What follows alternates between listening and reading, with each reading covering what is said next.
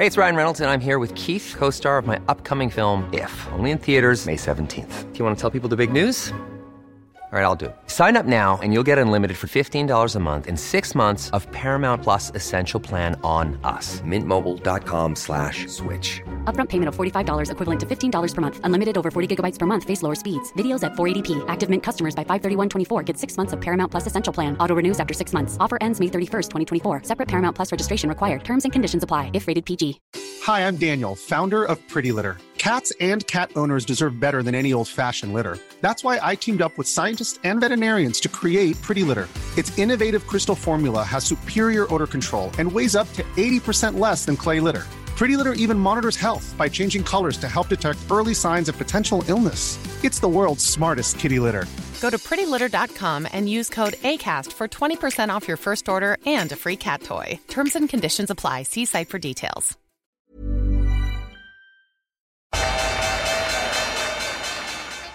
They mistook leverage for genius. Leverage for genius. I would recommend Japan. The governments don't rule the world. Goldman Sachs rules the world. Ja, velkommen til en ny episode av podkasten 'Tid er penger', en podkast med Peter Warren. Vi har fått oss nytt studio. Dette er vel studio nummer uh, ti snart. Så jeg har bygd litt fram og tilbake, men det her er litt mer permanent. Så det er på Vi har hatt et slags hjemmestudio i mange år nå. Og så, uh, så vi er oppe og stå nå, så vi må kanskje gjøre noen små finjusteringer, men stort sett så går ting eh, bra. og i dag har vi eh, litt å snakke om, så vi kan jo egentlig bare eh, starte med si markedet, som er nå eh, det nasjonaliserte aksjemarkedet. Ja. Eh, du har bemerka deg en del eh, ting eh, i tillegg til at Norwegian har tydeligvis blitt redda. Ja, altså det, det som er med eh, Altså det, det største egentlig eh, med aksjemarkedet er jo den dis disconnecten mellom én, aksjemarkedet og økonomien, og aksjemarkedet og, og, og, og markedet for, for, statsobligasjoner. Disse tingene syns ikke å høre eh, sammen lenger. Og spesielt når det gjelder inntjeningen til bedriften. Altså det jeg opplever, er at stadig folk forteller meg om nivåer de tror aksjemarkedet skal til, eller de vil i hvert fall komme til det nivået og dette nivået, mens ingen relaterer aksjemarkedet lenger til inntjeningen til bedriftene. Mm. Og det er ganske spesielt, fordi man har liksom helt glemt at, at uh, selskapene da er egentlig verdt da fremtidig eh, uh, Altså en multiple av fremtidig inntjening. Og vi er jo i dag priset høyere enn enn lenge, og, og, det ser man ikke bort til. Man ser på et, et eller annet indeksnivå og sier at ja, men jeg tror det skal dit nå. Mm. Eller det skal i hvert fall tilbake der. Mens man ser ikke på normal, altså Du kunne jo tenke deg at du isteden så på et inntjeningsnivå, og så sier du at bedriftene Altså jeg tror at bedriften skal i hvert fall klare å tjene dette. Og i så fall kan, kan du avlede aksjekursen fra, fra, den inntjeningen, hva som ville være rimelig pris på aksjen hvis den hadde denne inntjeningen. Men der syns ikke noen å være. Så man har på en måte frikoblet aksjemarkedet fra, øh, fra om du vil, økonomi og logikk, da. Men altså, ja. det har jo lenge vært altså, det, det, det, har jo si, vært et problem i lang tid. Ja, og det har lenge vært gjort, egentlig gjennom sentralbanker. Men nå virker det som altså Når vi har fått den smellen nedover, og så har det kommet li, litt opp igjen, og, og, da tror man at ja, det skal, til, det skal i hvert fall til, uh, til uh, de nivåene det hadde ved, ved, begynnelsen av året. Uten å se på hva inntjeningsforventningene til selskapene er. Og det er ganske godt gjort. Men det betyr egentlig for meg så betyr det at aksjemarkedet er blitt stadig mindre profesjonelt. Fordi du har, fått, du har fått stadig inn grupper i aksjemarkedet som på en måte aldri har egentlig vurdert aksjer. Vi er vel tilbake på 2000-nivå, der folk satt med tekst-TV og kjøpte aksjer. Og, og daytrading var ja, Rart du skulle si det, fordi man sier jo at SMP 500 er nå på, på, på tilbake til 2001, altså den der voldsomme eh, voldsomme nivået det hadde den gangen, i 2001. Altså Nå snakker jeg ikke om indeksen. Nå, Nei, snakker, jeg om, ja, ikke sant? Nå, nå, snakker jeg om økonomien, altså, ja. og, og, altså overprisingen. Eh, slik at Men det er kanskje altså, Aksjemarkedet er jo ingen er jo ikke noe termometer på utviklingen i økonomien. Historisk sett var det vel ment å være det. De her indeksene var ment å, altså Når man lagde Dow Jones-indeksen, mm. så var vel det Altså det var jo et medieselskap som lagde det, og regner med at de gjorde det for å kunne ha en indikasjon på hvordan, hvordan vei vinden blåser.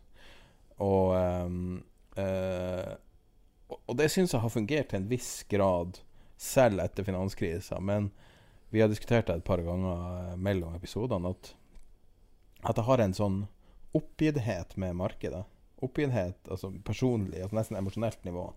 Og det, det er det at det jeg ser når jeg går ut døra, det er at det er tomt i Oslo sentrum. Nå er vi midt i Oslo sentrum. Det er ingen i Oslo Ja, det er mer enn nå, syns jeg. Jeg synes det er vesentlig mer enn nå enn det var for, eksempel for to uker siden. Det er det, men det er fortsatt Altså aktiviteten og det folk er villige til å gjøre, er så mye mer begrensa enn det var for noen måneder siden.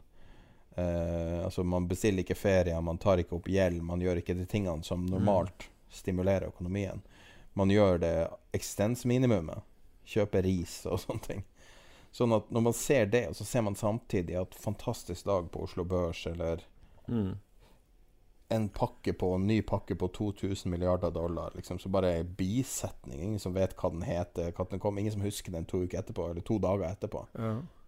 Og, og du har Du har en sånn uoversiktlig situasjon og, og så har du samtidig et relativt booming marked. Sånn, det er jo litt ned for året, men det er jo ikke mye i det hele tatt.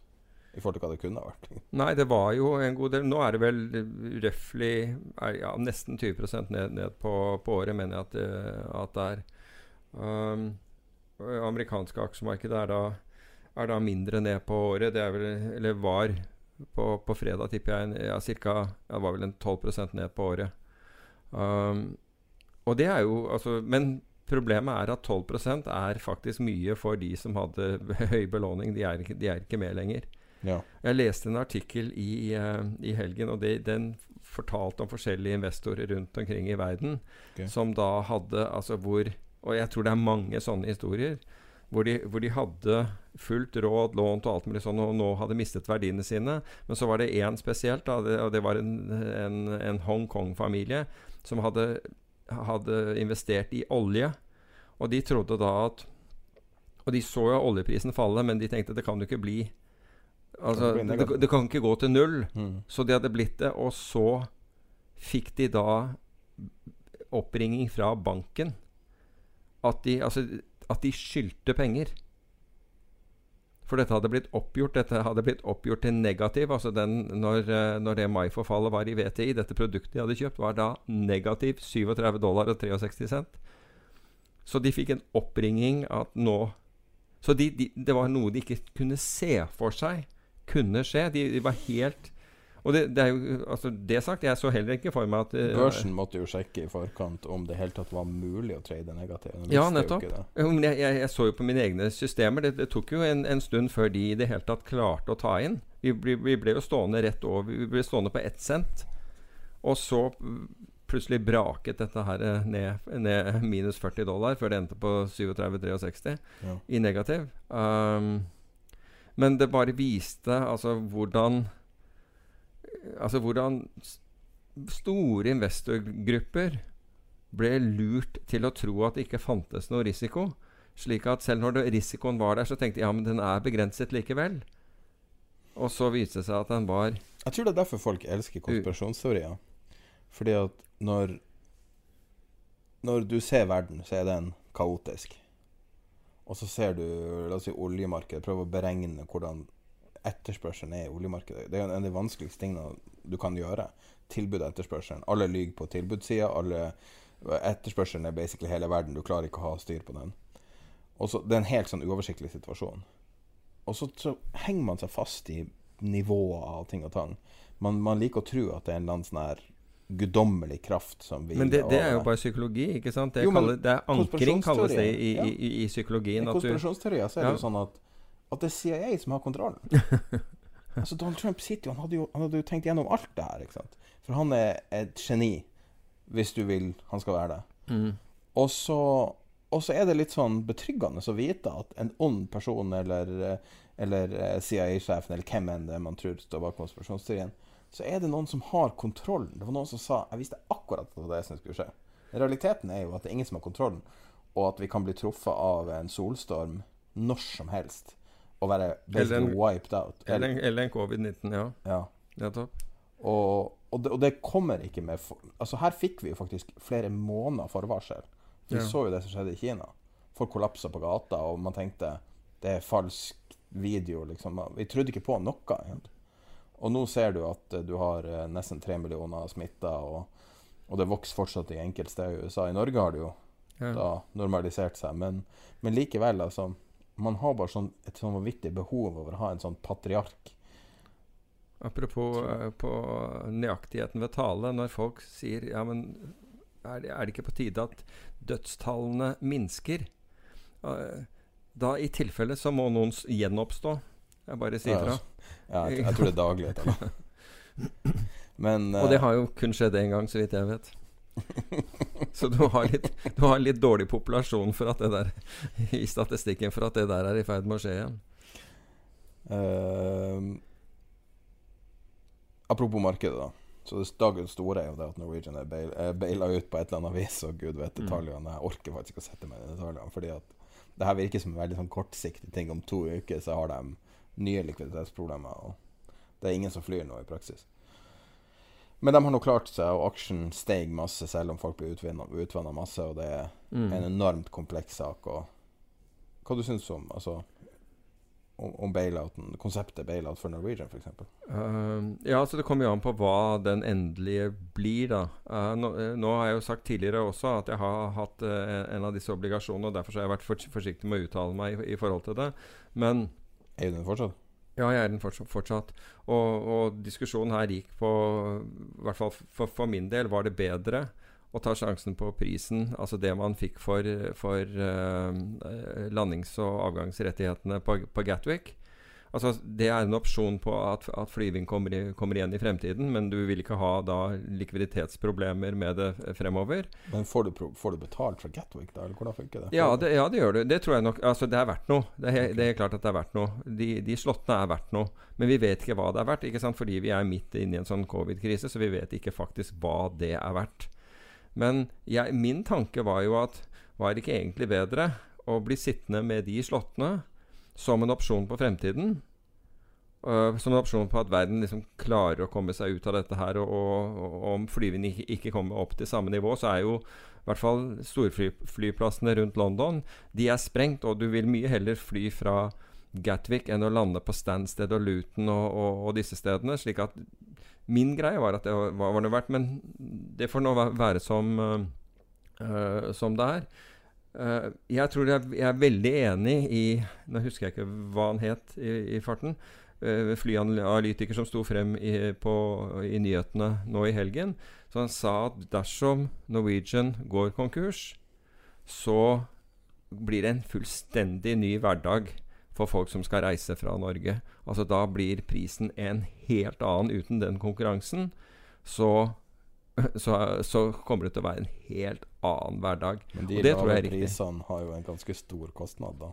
Ja, men den du kan si at kostnaden er mer eller mindre nøyaktig på 63 milliarder kroner.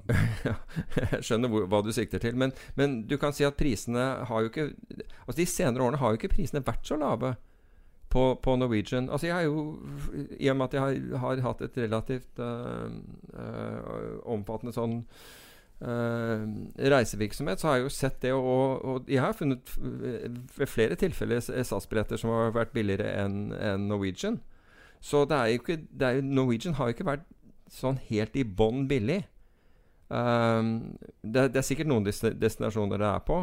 Og hvis du kjøper billetten din tre år i forveien, så får du sikkert billig. Men hvis du skal ha billetten f.eks. en måned i forveien eller noen uker i forveien, så har det ikke vært eh, Altså, det har ikke vært eh, veldig billig. Um, så Den obligasjonen du eier, den er garantert av staten? Er det det? Nei, den var ikke garantert av staten. Den var, den, den, eh, altså det var den obligasjonen som, som ble forlenget i fjor. Uh, hvor, uh, men den ble forlenget mot at du fikk, at du fikk sikkerhet. Og da var sikkerhet i avgangs- og land, landingsrettigheter, altså slåttrettigheter, i, uh, i London. Så da, og at de har falt i verdi under krisen, det er jo helt opplagt. Eller det, Har din uh, har verdien på obligasjonen falt også? Ja, er du gæren? Altså det, ja, så, så du kan si at på? Jeg vet ikke hva den er priset på engang. Eh, 60-70 eller lavere enn det? Nei, den, jeg tipper at det jeg, Med all den usikkerheten som har vært, så tror jeg nok det er, det er lavere, enn, eh, lavere enn det. Men dette er jo en obligasjon som nå som nå eh, konverteres, og som Blir du aksjonær i Norwegian? Ja, faktisk. Og, så, og i tillegg som uh, hvor Hvis det er noe oppside i disse rettighetene, for det, det var jo det den diskusjonen gikk på i helgen, så får du, en, får du andel av den oppsiden. Ja. Så, men uh, altså, we're, we're not out of the woods på, uh, på, på noen måte. Men, men for meg så var, det, så var, jeg, var jeg ikke sikker på hva som var, var det beste utfallet. Men for norske, altså folk som ønsker å reise i Norge, så er det ikke noe tvil om at det å ha Norwegian, eller noen andre, altså som, eh, som sørger for konkurranse, betyr veldig mye. Tenk deg på Gardermoen. Tenk på Avinor. Altså hvordan du skal fylle en, en, en, en storflyplass. Uten Norwegian hadde det vært ganske vanskelig. Den, jeg tror Norwegian er ekstremt viktig for, eh, for, for en rekke flyplasser. Jeg tenker på Jeg jeg har tenkt mye på The Blitz i denne situasjonen. Altså bombinga av London i andre verdenskrig. Mm. Og vi snakker jo liksom om nye hverdager og så ting vi må Og så, så er det liksom hvor mye kan noe forandre seg? Så Og så er det jo et spørsmål om man skal dra sånne typer sammenligninger, men da var det jo liksom eh, Når han uh, Nå husker jeg jo ikke hva han heter. Eh, den Hva han heter Den første statsministeren, han som møtte Hitler. Må, sorry, sorry. Men altså, det står- Ja. Chamberlain. Chamberlain, ja. En av de mindre Jesus. Som var han og møtte og snakka om, om um, Tsjekkoslovakia, tror jeg. Um, og, og det var diskutert rundt det, og så var det liksom sånn Ja, peace in our time, eller hva de sa for noe. Og, så Mm. var det liksom sånn det, det var ustabilt, det var urolig, men verden gikk sånn. sånn og så invaderte de var det vel Polen, og så merka du at da begynte ting å rasle ordentlig med, med sablene, og Chamberlain fikk jo opp sitt illebefinnende, tror jeg. Og det var liksom mye trøbbel. Men det var liksom sånn progressivt verre og verre og verre. Og så, og så endte du opp med en situasjon som var helt totalt uforståelig utenkelig. En hverdag der du blir bomba utfor Altså, det, det slipper bombe i gata di. Mm. Og, og britene da veldig famously gikk videre med hverdagen og dro på butikken og gikk på jobb. Litt sånn som en mye, mye ordentligere versjon av det vi har vært gjennom nå, da. Mm. Men så Men det, det man Hvis man ser sammenligner med sånne situasjoner, så er det at det, det er ingen grense for hvor ille det kan bli. Det kan bli helvete på jord. Det kan bli ildbombing av Dresden. Det, det er det ytterste utfallet. Så når man ser liksom Du sier hvor ille det blitt for Avinor på Gardermoen. Folk ser for seg f.eks. Gardermoen som er et halvparten bare er mørkt. Mm. Hele Norwegian-delen bare er mørk. Det var jo en høyst reelt utfall. Er fortsatt et reelt utfall. Ja. En mulig utfall. Men da Spørsmålet mitt er, som jeg stilte deg når du kom inn her også, vi har diskutert hva vi skulle snakke om, var burde vi være redd nå? Mm. Fordi at det er så mye i realøkonomien som er veldig urovekkende nå. Jeg satt og leste en artikkel om Warren Buffett, som ikke er spesielt bullish nå. Og eh, han har jo f.eks. kutta alle investeringene i flyselskaper. Eh, du har norske selskaper som har 50-90, noen 100 omsetninger borte over natta. Mm. Store konsulentselskaper, store banker, store meglerhus. Folk kniper sammen og bruker ikke ei krone. Alt er nå frosset av kostnader. Eh, du har reiseliv som potensielt kan være aldri kommer tilbake. Du har tilbakekjøp av aksjer som har vært det som vi har på en måte Som har ført til de høye prisene. Det har vært en konsekvent global manipulasjon av aksjemarkedet som nå i praksis er over, for folk har ikke råd til det lenger. Så har du et sånt selskap, sånn forbruksteknologiselskap, så ser du sånn som Apple, som har vært ei sånn ledestjerne alltid. Så nå plutselig har lansert en mye billigere telefon, og skal lansere nå i høst ei ny linje billige telefoner. Og de har jo gått høyere og høyere pris hele tida. Det er jo sånn symptomatisk for verden vi er i. At vi må bare nedjustere oss tre-fire-fem hakk.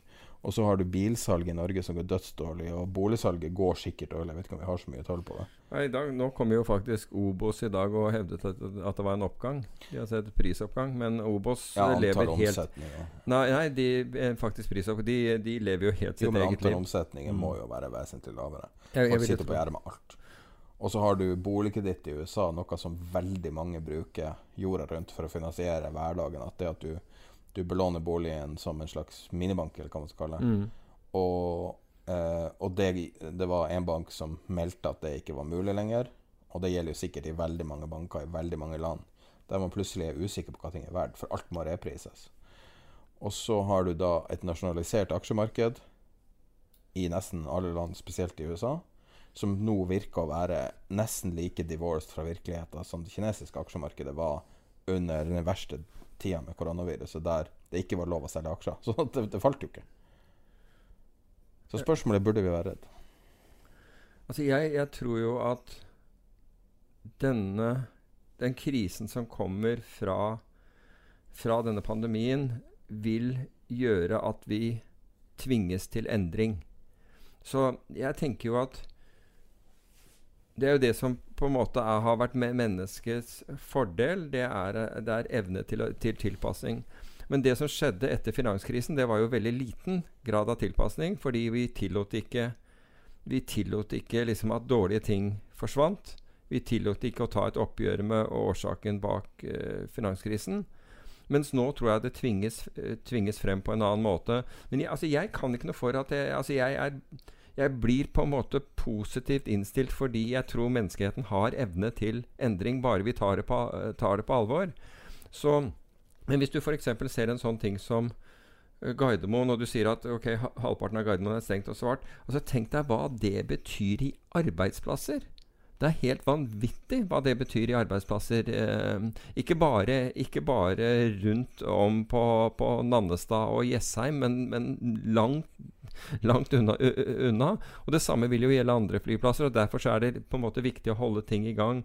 Men det jeg ser, og det som skremmer meg, det er at folk har liksom tendensen til å, til, til å forsøke å, å, ikke gjøre ting Altså der hvor man, man skal gjøre Hvor man hadde vedtatt å gjøre forskjellige ting i bedriften. Og, og, og dette er produktive ting i, i, bedriften. Det kan være regulatoriske ting osv. At folk forsøker å stemme det der ned Altså slukke lyset på alt. Og hvis du har den innstillingen det, altså Da bråstopper vi. Du, du nevnte The cure will kill us. ja, nettopp. ikke sant? Og du nevnte dette med, med, med konsulentselskaper. Og det kan godt hende Alle byråer. Ja, men det kan godt hende at man, man, har brukt for mye penger på det. Det, det aner jeg ikke. Det, det, vet jeg ikke. Så, så det, er ikke, det er ikke en påstand. Men, men la, la, oss ta det, som en, ta det som en hypotese. Men én ting er sikkert, er at hvis vi stenger ned alle de kanalene, så bråstopper det i hvert fall. Hvis du slutter å annonsere, hvis du slutter å, å, å evolve Det vet jeg ikke engang hva det heter på norsk. Men, men utvikle bedriften din, da stopper det i hvert fall. Men da er det ikke covid som stopper det. Da er det vi som stopper det. Ut, u, altså vi stopper det for, ut av frykt. Eller fordi, man, fordi det ikke er insentiver til at vi fortsetter. Og det tror jeg er noe som regjeringen er veldig opptatt av nå det er at disse insentivene som de har vedtatt, og som de stadig vurderer, ikke er av en slik natur at folk sier at Vet du hva, det er faktisk bedre for oss å slå av lyset enn, enn, enn, enn å, jobbe nå. Det, vi, det, er nesten bedre for, for, oss økonomisk, og da er vi ille ute å kjøre. Da er vi skikkelig ille ute å kjøre. Mm. Så her må man jo gjøre ting som stimulerer, og det, jeg vet at at Innovasjon Norge bl.a. har fått penger til dette her også for, for å stimulere til, til innovasjon. Altså slik at ting skjer.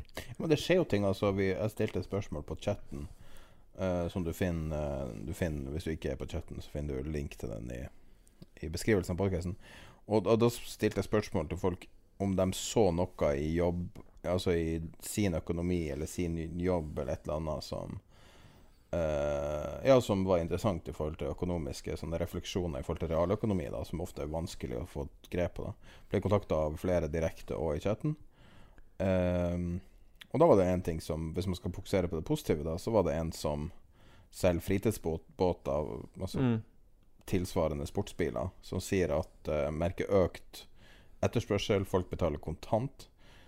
Og mens de gjør transaksjonen, snakker om at de er redd for framtida, men at de vil ikke gå glipp av sommeren. Liksom. Basically kjøpe seg båt i stedet for å dra til Saint-Tropez, eller kjøpe seg båt i stedet for, uh, for Thailand-turer, eller noe sånt.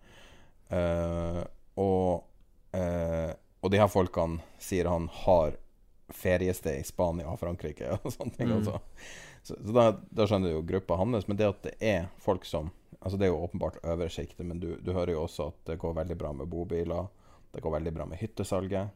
Sånn at det er økonomisk aktivitet eh, det som, Går det, jeg, var ikke klar over at det gikk bra med hyttesalget. Det, det nesten forbauser meg, men uh, at det fins omsetning oppi der, det, Det det, er kommer fra samme kilden i okay. chatten, som sier at uh, At de har stor omsetning i eh, I hyttemarkedet akkurat nå. For der ville jeg jo trodd at det er på en måte ikke noe som er det verste tinget man kan eie, i mine øyne, er hytte.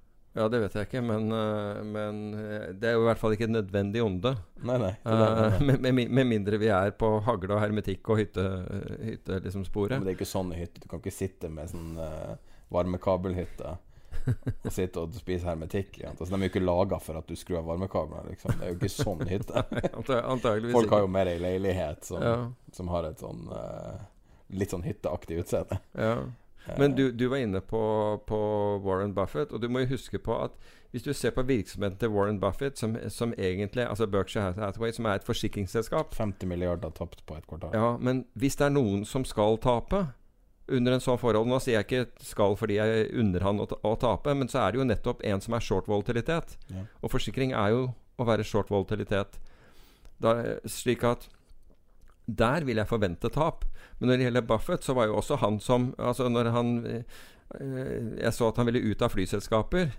Og det er jo Det er vel neppe han som har sagt det, men hvis du, hvis du vil bli millionær, så, så hvis du vil If you want to have a great nei, fortune Nei, hvis du vil bli millionær, så, så, start med, med en milliard og kjøp deg et flyselskap. If you want to have a small fortune, start with a big fortune in an airline, eller start with a big fortune in a, in a racing team.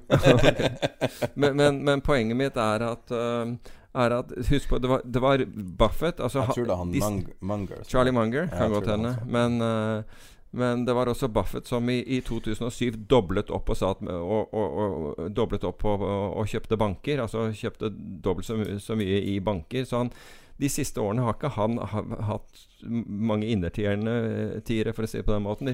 Siden 1990 har ikke han vært forsikringsmann, stort sett. Jo, altså han har jo ligget bak indeks i altså Hvis du ser han på femårssikt Nå har jeg ikke sett det, bare kikket på det, på det i dag, så er han det. Så, så du kan si at at, at, det at han er en klok og kunnskapsrik investor, det tviler jeg ikke på. Men du ser altså Han er alltid short. Han har alltid short volatilitet. Så i en smell som dette her, så vil han få mer juling. Og det har han også fått. Altså Berk, Berkshire er ned 19% mens, eh, mens aksjemarkedet er ned 12 Nå er jo Charlie Munger jobber jo fortsatt, jeg tror han er nesten 100 år. Uh, Endkanen hans. Og uh, Mens jeg syns Warren Buffett for første gang ser gammel ut. For første gang siden jeg første gang så han. Ok Så tenker jeg at han er gammel. Når han snakker, når han At det er liksom Det her sliter på han, tror du ikke? Ja, det de gjør det sikkert. Dette er bare Du nevnte Charlie Munger, og da må jeg komme med et Charlie Munger Et sitat som jeg syns er enda bedre. Capitalism without failure is like religion without hell. Og det syns jeg er virkelig godt sagt, for det er jo akkurat det vi ikke har tillatt. Men er ikke, er ikke helvete Er ikke det en, er ikke det en konstruksjon? Altså, er ikke det en hva skal jeg si, en moderne oppfinnelse? Jeg trodde det var Og nettopp det var en del altså, sånn, moderne jo fire and brim, brimstone-greie fra, Ja, fra middelalderen. Jeg Jeg ikke tror det at det. helvete ikke står i Gamle testamentet, ikke står i Bibelen? I wouldn't know. Men det er jo også Det er jo den beste markedsføringsmaskinen man har for, for kirka, er jo helvete. Ja, nettopp. Men du kan si at hvis du ikke tillater eh, failure, og det har vi ikke gjort ikke sant? Etter finanskrisen så gjorde vi ikke det. Og, og, og det er jo hans advarsel. Og det gjorde vi ikke, og se hvor vi er nå. Um, men ellers så har jeg- et Howard Marks-sitat som jeg hørte i dag. Experience is what, what you got when you didn't get what, what you wanted. Det er også bra. ikke sant? Det er voksenopplæringen din. Ja. Så bra. Nei, det er jo den, den der eh, trade-sjefen på 26 som nå har fått veldig mye erfaring, og, Ja. og kanskje skjønt liksom det som man veldig dyrkjøpt får som gammel mann. Da, eller, som, Ja, altså du må normalt sett ha vært noen, noen, noen runder, og nå har du plutselig den, den erfaringen. Ja. Så det er jo Ja, absolutt. Men spørsmålet burde vi være redde nå? Burde vi være bekymra, eller vil du være optimist? Altså jeg, vil, jeg foretrekker å være optimist. Jeg syns det er bedre å være optimist og se etter muligheter enn å grave meg helt ned. Jeg skjønner at økonomien kommer til å bruke lang tid på å, å spa seg ut av dette her, men i, i alt, alle slike situasjoner så, så finnes det muligheter. Det er jo sånn her Fredriksen har Altså, han var nok klar for det her, vil jeg anta. Uten at man vet så veldig mye om hans situasjon. At han har eh, vært klar for at det her går rett til helvete og kan kjøpe ting billig.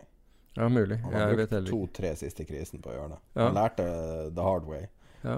Og eh, ryktene var jo at han hadde ekstremt mye cash. I Ok. forkant av det. Du må ha cash, eller så må du ha veldig eh, tilgang til banker. Men altså, de som har det lettest, altså ikke lettest i form av at de ikke taper penger, men de som definitivt har det lettest i en sånn situasjon, er jo nettopp banker. Og vi ser jo store banktap for all del, men hva gjør banker når, eh, når, når de taper penger? Jo, de øker rentemarginen. Mm. Og det kan jo ikke noen annen bedrift gjøre. Altså, hvis, hvis bedriften din går dårlig, så kan du ikke bare sette opp prisene. Da går det enda dårligere. Ikke sant? Mens der har bankene en sånn helt unik situasjon i samfunnet hvor, hvor eh, da bare skrur de opp. Sånn er det.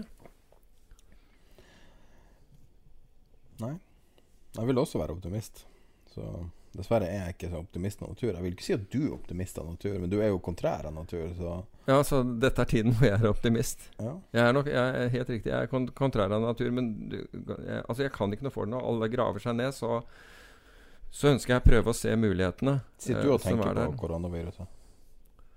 Tenker du på det når du gjør ting, eller når du er ute i verden, eller hjemme, eller Ja, altså jeg, jeg tenker på det på, på den måten at, at uh, Altså dette med, med håndhygiene og, all den biten her Jeg forsøker jo å, å, å ta hensyn til det. Jeg, definitivt gjør jeg det. Det er ikke noe, noe, noe jeg har lyst til å ha. Og enda, enda eh, mindre har jeg lyst til å, å, å være smittet og påføre andre det. Ja, det er jo det veldig mange sier, at de, nettopp det siste de er redd for. Ja, ikke sant? Det, men, men eh, nei, for at eh, Jeg hadde jo, som jeg hint, eller eh, henvist til, at jeg hadde flere syke familiemedlemmer som er veldig bekymra for å, å smitte, som det har gått bra med. Og eh, så for, eh, Men sånn Sånn når du sitter og ser på, på, på TV, eller hva man Så merker jeg at jeg unngår egentlig sånn koronastoff. Og jeg er ikke så interessert i å oppjazze og Jeg er ikke så interessert i detaljinformasjon lenger. I starten var det jo veldig mye. Og det, det var noe som skjedde under finanskrisa også, var jo at, at folk var jo helt eh, vanvittig tørst på innhold som inneholder ordet finanskrise. Mm. Under finanskrisa. Og så var det noe som skjedde der man bare fikk nok. Og nå, nå vet du det du kan vite, og resten er bare skremselspropaganda, liksom. Og vi må jo være langt forbi det steget nå. Altså jeg, følger jo, altså jeg følger jo med på om, om litt å- altså på det om trenden går riktig, riktig vei. Se på hører- tallene noe annet. Nettopp, jo, men du, du jeg vil ikke ha fortolkningen av tallene. Nei, du hører, bare har hørt hø- Jo, altså jeg vil ha fortolkningen. Hvis, hvis tallene overrasker meg, så, så vil jeg gjerne ha tolkningen av, av dem. Men folk er blitt eksperter på å tolke smittetall nå. For man har hørt så mye. Ja, altså jeg hører ikke annet enn en, altså, der, der bruker jeg Folkehelseinstituttet og ferdig med det. Jo, men det er mener jeg. Altså, man, man klarer å Altså, når du hører liksom i dagligtalen folk snakke om virus og sånn, så hører du jo at nivået er så mye høyere enn man normalt ville ha forventa. Ja. At folk vet forskjellen på hva som er viktig og uviktig informasjon, og klarer å tolke relativt nøyaktig en tilfeldig valgt person. da I Norge, så Men det, det, er jo sånn, det er jo litt sånn rart hvordan folk eh, Altså hvor forskjellige folk praktiserer det også. Jeg, jeg er en god del ute i skogen, og ikke stort sett hver dag. Og noen ganger så møter du noen sant, på en sti som da hopper 50 meter inn, i, inn i skogen. Jo mer det sant? liksom- Når de ser et menneske. Jo lenger ute i distriktet du er, jo mer Ja. av det det. Ja, dette, ja, dette er ikke veldig langt ute i distriktet, for å si det på den måten, men, eh, men allikevel. Du ser noen liksom, Du hører bare kvister knekke, og, og folk løper ut, ut i skogen. Da tenker jeg at da Altså hvis du er på det nivået, at du må Du kan ikke være nærmere enn 50 meter fra et annet menneske, da burde du kanskje holde jeg hjemme. Jo, men jeg tror jo også at sånne situasjoner forsterker jo ofte den du er. Så hvis du er Ja, det kan være. litt paranoid og Altså, det var jo eh, Det var jo helt grusomt Når det her kom, så satt jeg på et fly når det her liksom eskalerte. Det var jo én dag det eskalerte veldig fort. Det her endra helt når Mm. Norge ble stengt.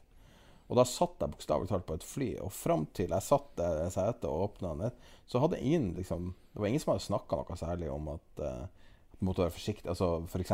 Måtte, ikke måtte fly og, og måtte ta ekstreme forholdsregler og sånn. Og så gikk det på en halvtime mens jeg satt på rullebanen.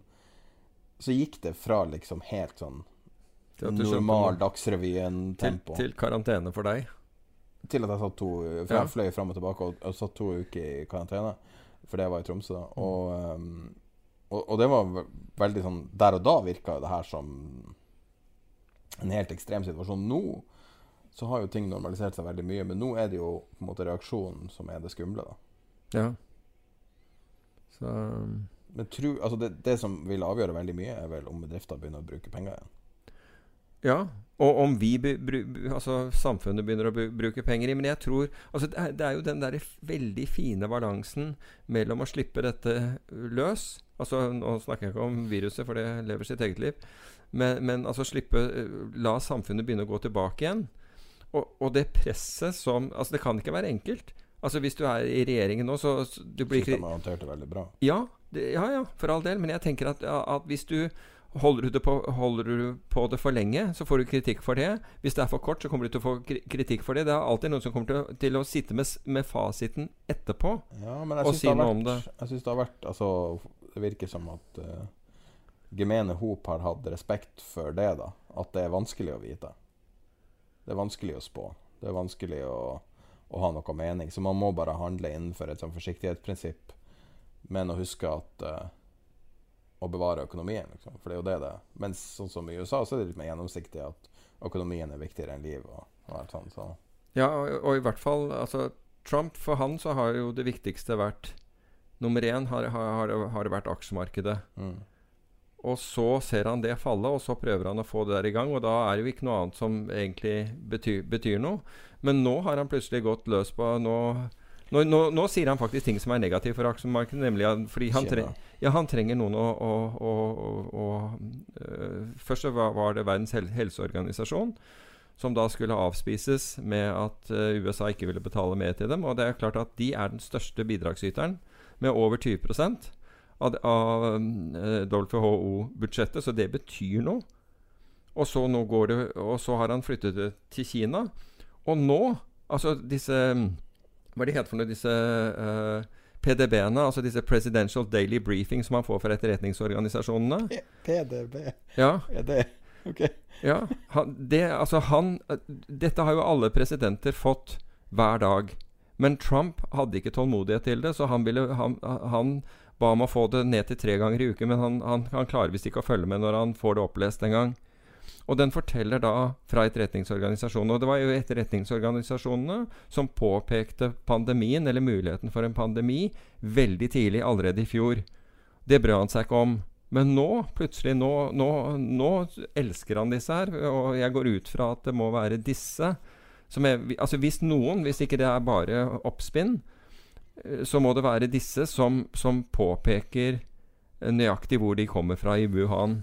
Mm. At det kommer fra en sånn um, Weapons eh, Laboratory eller et eller annet sånt i, Ja, den laben labben der ble jo påpekt i januar allerede. Folk begynte å ta koblinger mot den. Ja, det, det husker jeg. Og eh, det var omtrent da jeg slutta å lese Zero Hedge. For da merka jeg at, Mm. at Zero Hedge er noe man burde holde seg unna i. Sånne, okay, det var jo akkurat samme under presidentvalget i USA. Så det caterer til gærningene, liksom. Så. Ja. Men, uh, men altså det, er jo fort, det fortsetter jo med at konspirasjonsteorien er blitt veldig, veldig legitim, altså generelt, i USA. Og du har en voldsom ustabil, uh, ustabil folk under overflata som dukker opp på uh, Dukker opp på eh, kontoret til ymse politikere med automatvåpen og står bare der og markerer at de er der. Det er mye som er under overflata i USA. Ja, det, det er godt mulig, men uh... Ja, men Se nå de bildene. Folk står med et automatvåpen foran døra til en guvernør. Er ikke det et tydelig okay, signal? Ja. Har, du sett, har du ikke sett det? Nei, jeg har ikke sett det. Nei, det Jeg trodde alle disse hadde, hadde eh, Hva heter det for noe? Altså egne livvakter. jeg, Så hvis du slipper noe altså, Mener du som beskyttelse, eller at han står Nei, de her folkene duk, Det her er private citizens som dukker opp. Jeg skal finne ut si, nå, nå, nå vil jeg gjerne snakke litt med deg? Jeg tror det var guvernør uh, Altså, det skjedde flere plasser. Ja. Uh, Sånn er det når du har en liberal, liberal Skal våpenlovgivning. vise I Michigan. Ok. Se på det her bildet her. I'll take your word for it. Her er en militia som st står sånn her foran guvernøren sitt kontor. Hvis ikke det her signaliserer om at USA er Ja, da Ja. Hva du syns om det? Hva syns de ser ut som de vet hvordan de håndterer våpen? ja jeg skal se, jeg klarer For de spekulerer jo om at de her folkene er litt mer amatører enn dem. Altså det er sånne som liker og De er litt som en Instagram-versjon av en kriger. Jeg vet ikke. Jeg ser i hvert fall han ytterst til venstre for meg. Har i hvert fall ikke fingeren på avtrekkeren. Det er et godt tegn. Ja, ja, det, det har de i hvert fall disiplin på. Han, hadde, han ene har en bullpup her også, så Mm. Men stort sett AR-15 det går i. Og, men, men tror du ikke det her er liksom I hvert fall et teoretisk problem for USA, at man har Man har en, en så stor En så stor arsenal i privatbefolkninga som da kan brukes politisk? Ja, mulig. Jeg vet ikke. Jeg, jeg, altså, de, sånne radikale grupper er vanskelig å og jeg, jeg tror for det første ikke at de der gruppene er særlig godt In a eh, tweet on Friday morning, President Trump described protesters in Michigan as very good people. De er folkene som står med maske Ja, han, det sa han jo om noen ny, nynazister også for, for en tid tilbake. Så Det er helt utrolig. Og det, og det satt visst veldig langt inne for jeg å beklage det. Men uh, er USA så viktig lenger? Vi Ja. snakker jo mye om USA og amerikanske markedet. Ja, det er jo det. Det er jo på, Jeg håper å si Det er jo uh, Altså, Du kan kalle Kina motoren, men det er jo på en måte USA som, som sitter med, med hendene på rattet på det, på det meste. Også pga. Vår, vår avhengighet til dollaren og dollarfunding. Så det er ikke noe tvil om at, eh, at det er viktig. Ingen hint av at det skal bremses. Altså dollar eh, Ikke- Petrodollaren, holdt på å si. Det har vært det, det, har vært det tidligere, men, men de forsøkene syns jeg har vært utrolig spede. Og det var bl.a. at man skulle at man skulle selge olje i, eh, i andre valutaer. Men de har jo hele tiden blitt regnet mot oljeprisen i dollar, og da har det jo, har det jo ikke, noe, har det ikke noe virkning.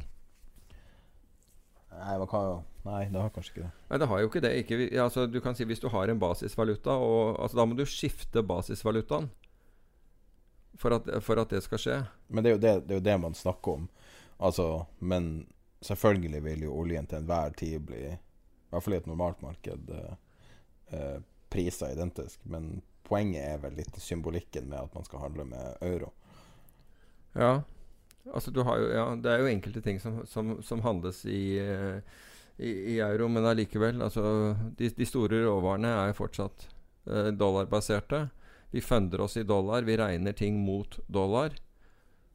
Apropos det, flybilletter er jo egentlig regnet i dollar. Så eh, selv om det har, har mistet noe, noe av sin signifikans i økonomien. Ja, krona er ikke Nei, det jeg føler ikke så mye. Det er er deprimerende at dollaren fortsatt er over ti kroner. Ja. Men er jo ikke så svak. Men den er i hvert fall altså Etter at Olsen kom på banen, så er det iallfall blitt bedre. Ja. Hvor mye tror du andre in- intervenerer direkte? Nei, jeg, altså jeg tror ikke det, er noe Eller jeg tviler i hvert fall på at det er noe daglig intervensjon i det hele tatt. Men de, jeg tror at de har intervenert. Altså de, de intervenerte når de trengte å gjøre det. Og jeg skrev en blogg om dette her i, eh, i, i, i helgen, som publiserte vel på Ja, det var Jeg publiserte den i går morges. altså Betyr det at han der eh, Han andre karen kommer til å publisere en VG-kommentar om eh, norske CDS-er? Han, der, eh, han som plagierte den forrige bloggen? Ja. ja, det kan, det kan godt hende. Ja, det, den var jo også fin. Du, Har du hørt noe eh, fra det? Fra, det var påfallende like poeng han hadde som deg. Ja, den var jo ganske identisk, og så hadde han hevet på noen setninger, setninger, setninger til slutt. Og så hadde han gått da til VG med, med dette her og kalt seg samfunnsdebattant. og klart å få en forside eller et eller annet sånt. Det var ganske godt gjort. Ja. Um, jeg tror også det Jeg lurer på om ikke gikk, gikk så Og der, deretter publiserte han dette her på over, over alle sosiale medier. Mm.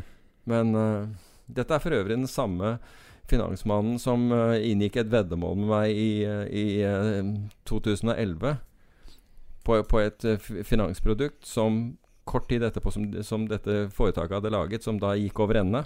Mm. Og som da kom tilbake igjen og sa at, nei, at han ikke ville gjøre opp for seg i veddemålet. Det, Jeg er fortsatt eh, litt sånn uoppgjort med noen av lytterne apropos veddemål og noe bitcoin der som ikke ble gjort opp for seg. aha. Eh, nei da, men um, eh, Å ja, det husker jeg. Det husker jeg. Eh, Jeg så en video i går som var litt interessant, som vi begynte å snakke litt om før. eh, Jeg fikk ikke sove i går kveld og satt og tenkte litt på podkasten. Så kom jeg over en video eh, som ligger eh, linka i eh, beskrivelsen. Det blir kanskje å legge den ut på Facebook-gruppa. Den heter 'How Science Is Taking the Luck Out of Gambling'. Og eh, du hadde eh, Du hadde et et, sp et spørsmål du hadde lyst til å ta opp i dag, om det er for lett å bli trader og investor Ja.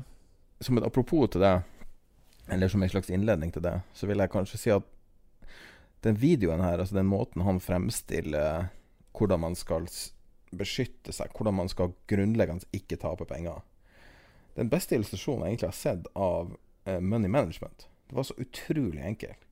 Når det var splitt, Han splitta det i tre. Uh, og det her er jo basert på det Hva det heter det prinsippet? Tenker du Kelly-kriteriet? Kelly-kriteriet, ja. Hvordan man skal uh, size enten et veddemål eller en investering. Ja. Og hvor utslagsgivende det har i forhold til langsiktige eh, resultater. Ja, om du overlever eller ikke, blant annet. Og, og da hadde han en veldig Han innen videoen her som, som anbefaler folk å se det, det foredraget, så var det noe så enkelt som at han simulerte folk som hadde en veldig stor size, la oss si 90% eller noe sånt så så du at det var en enorm varians. Opp og ned, opp og ned, veldig stort utslag. Og så gikk han i null. Og så gikk han ned til sånn 50% size, og da var det veldig stor varians, og overlevde vesentlig lengre, men ikke i null. Og så hadde han 10% size, altså, altså hver, hver, investering eller hvert bet var bare 10% av, av eh, pengene. Og da gikk det sakte, men han tapte ikke alt, og endte opp liksom på toppen av grafen. da. Mm veldig god illustrasjon av Altså når du sier da altså Når du stiller det, det bevisst provoserende spørsmålet Er det for lett å bli investor. Er det for lett å bli trader? Jeg vil si at hvis, man hadde, hvis alle hadde blitt tvunget til å reflektere over sånn type money management, så tror jeg at for det første vi ville ha sett veldig mye mindre folk som kjøper sånn triple leverage ETF-er. Ja. Og så tror jeg at vi hadde sett dramatisk resultatforbedrelse blant tradere og alt mulig. Ja, det tror jeg også. Men altså, det viktige er altså, Det var, var, noen som minnet meg på det forleden med, med, med noen spørsmål. Og, og, og, dette gikk om man kunne drive, være student eller, eller drive et, et, annet yrke, og så, og så tjene 5000-6000 kroner i måneden. Uh, nærmest ved siden av med å, med å investere eller trade i markedene. Og, og, spørsmålet mitt var da liksom hva er kapitalbasen? Og når kapitalbasen er 100 000 kroner, så vil det jo si at du har en analysert avkastning hvis du skulle klare å tjene det i måneden, på, på, på rundt 80% og det, og det er det ikke mange som har, for, for å si det på den måten. Og, men poenget mitt er at, at hvis du skal Du ville aldri du vil aldri Altså, i finansmarkedet så kan du, hvis du har penger, så kan du signe deg opp og få anledning til å trade i løpet av noen dager. Det er ikke mer enn at du, altså du er ikke nødt til å demonstrere noen ferdigheter eller noe kunnskap. eller noe sånt, og Du kan begynne Enkelte sånne mini-jallameglerhus er det tre minutter. Ok, men du, du kan ja, altså antakeligvis bruke kredittkort og, og, og gjøre det. Og jeg tenker jo at dette er Altså konkurransen i i finansmarkedet er helt enorm. Det er enorme summer som skifter, eh, som skifter eiere i finansmarkedet. Konkurransen er enorm. Du har de skarpeste hjernene, du har de raskeste datamaskinene, du har de beste algoritmene, du har de beste hodene eh, som holder på der. Allikevel så tror vi at vi skal kunne gjøre dette som Altså at man skal kunne systematisk tjene penger med å ha det som et venstrehåndsarbeid. Og da får, da, Det er jo en forestilling som er helt feil. Altså hvis, Det kan hende at en eller annen klarer det, men det, det, vedkommende er sannsynligvis et geni hvis de, de, de, klarer det. De aller fleste vil ikke klare det.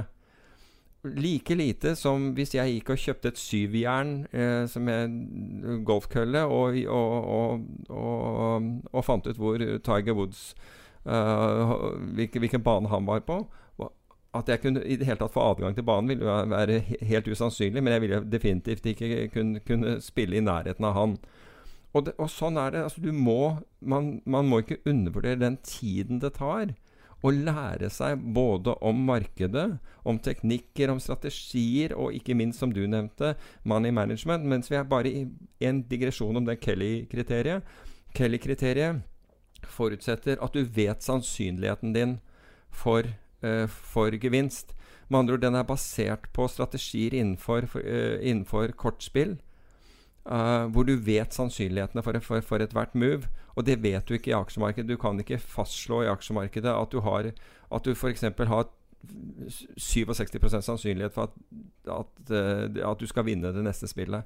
Bare, bare så det er sagt du kan, Men du, har jo tall fra opsjonsmarkedet om uh, Ja, du, ja men, men ja, likevel. Og hvis du gjentar og gjentar og gjentar det Volatilitet, i hvert fall. Så du har jo en viss Ja, du har en delta som, som, som tilsier Altså Hvis du kjøper en opsjon og den har 32 uh, delta, så er det 32% sannsynlighet at den skal være verdt noe ved ved, ved, forfall, men, men, det betyr ikke at du får tilbake den premien du har betalt. Du får ikke nødvendigvis dekket kurtasjen du har betalt, og, mm. og de andre avgiftene, bare, bare så det er sagt. Så Kelly-kriteriet kan være bra, og det er mange som bruker det, men da forstår de, som du gjør med Black Scholes-modellen for opsjoner, du forstår hva, hvor, hvor, virkeligheten er forskjellig fra, fra, fra, modellen.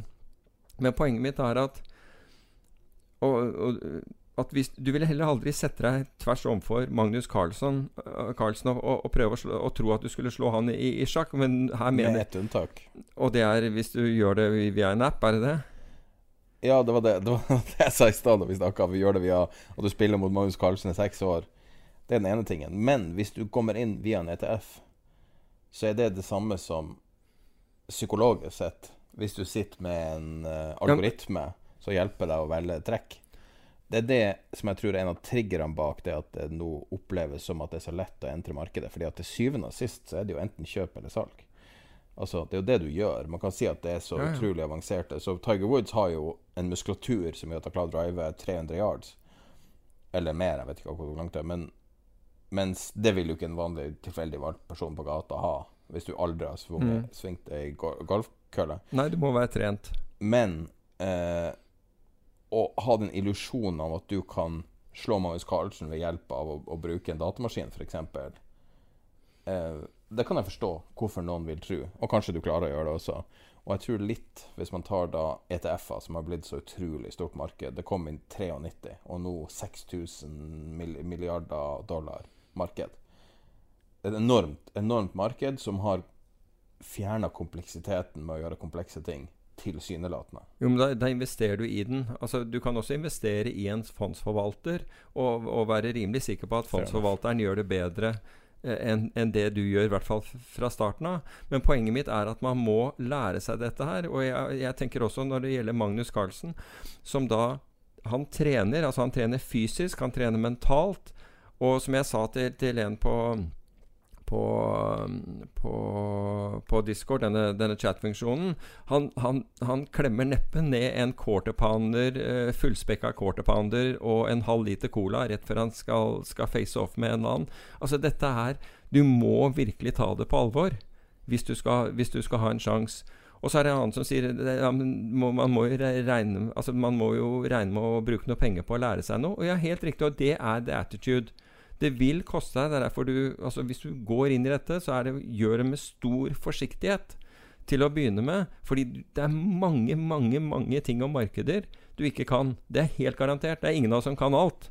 Men definitivt, når du er ny, så, så, er det så mange ting du ikke kan, og så mange ting som kan komme og bite deg, at, uh, at det er veldig, veldig sannsynlig at de første pengene dine er rett og slett voksenopplæring. Du må bare regne med at det koster lite grann. Det er, det er som om du skulle tatt et godt å tatt et voksenopplæringskurs. Du må regne med å betale for det, og på samme måten vil det være i markeder. Du må regne med at, å investere noe.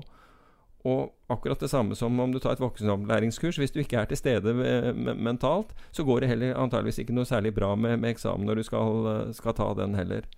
Så man skal ikke undervurdere det. Og når du, til, når du snakker om dette med, med Kelly-kriteriet, og det, hvis du investerer for høyt, det er jo også årsaken at du ser på på CFD-brokere som er da nødt til å sette at eh, i en eller annen måned så tapte 78 av våre kunder penger, eller hva, hva det måtte være.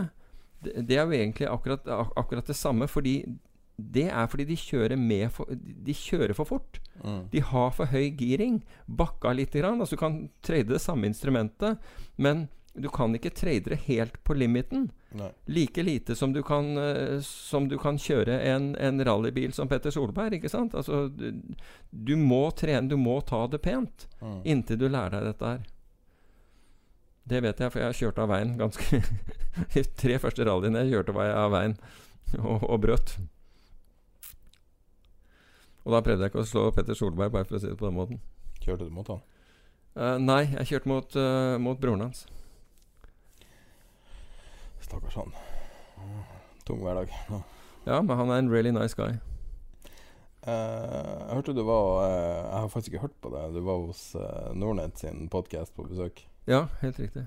I forrige uke. Jeg så, så det var en som hadde diskutert noe. Hva er det Carl Pers-greien? CalPERS, det er, eh, det er staten Californias eh? Det er staten Californias pensjonskasse. Ja. Eh, og den er kjempesvær. Ja. Og det som Og i eh, eh, Fordi eh, eh, i den podkasten så kom vi inn på Så nevnte Settem det, dette at CalPERS hadde trukket seg ut av hedgefond fordi de, det de fikk for lite og de syntes det var for dyrt.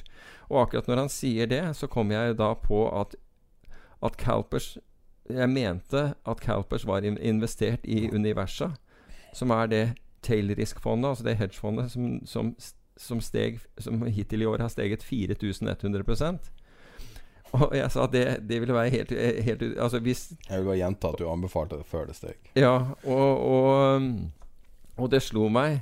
Og så var det en av lytterne som hørte dette her, og som, og som gjorde da research på det, og ganske riktig.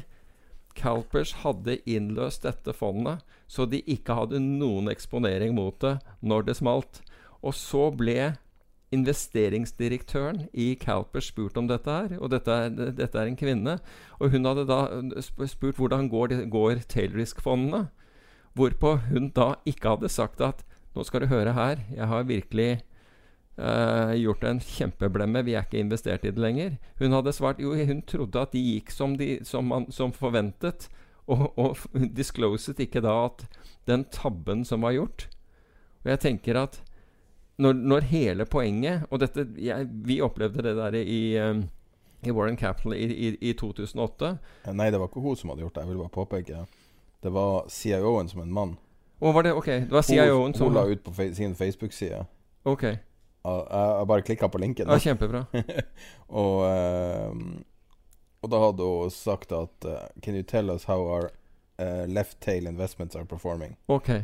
Og så måtte han da svare at vi har ingen av det. Det, det, der, er, det der har vi, har vi eh, Sensasjonell timing. Da. Ja, sensasjonell timing. Og det var helt likt det vi, vi selv opplevde i Warren Capital i, i, i 2007. Folk trakk seg ut av et fond som skulle beskytte mot det, og i 2008 Slik at vi hadde ikke den eksponeringen i 2008. Og dette er fond som ville gått mange hundre prosent i 2008. Eller som gikk mange hundre prosent, men vi hadde da ikke investering i det lenger. Så eh, det er rett og slett tingenes iboende faenskap. Men Det, er Det som er- det skjer akkurat på siste lille steget.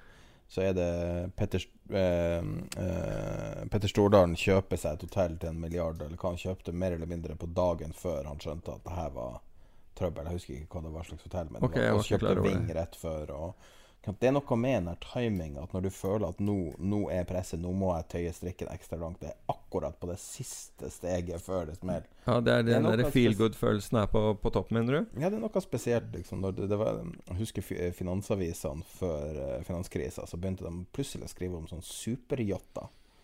Og det er sånn, sånn tegn. liksom altså, Du må skjønne at når du begynner å bry deg om superyacht-transaksjoner, så er vi helt på piken. Da har vi tatt ut hver krone. Ja, mulig. Det, det virker ja, altså det, Jeg er ikke sikker på om det er, holder, holder statistisk vann, det der, men det, men det virker jo i hvert fall sånn. Altså når vi eh, når vi ikke bryr oss om sikring, vi bryr oss ikke om, om risiko, vi bryr oss ikke om hvor mye egenkapital eh, At egenkapitalen vår er blitt mindre og mindre etter hvert som vi har lånt mer og mer. Det er klart at da, da gjør vi oss sårbare.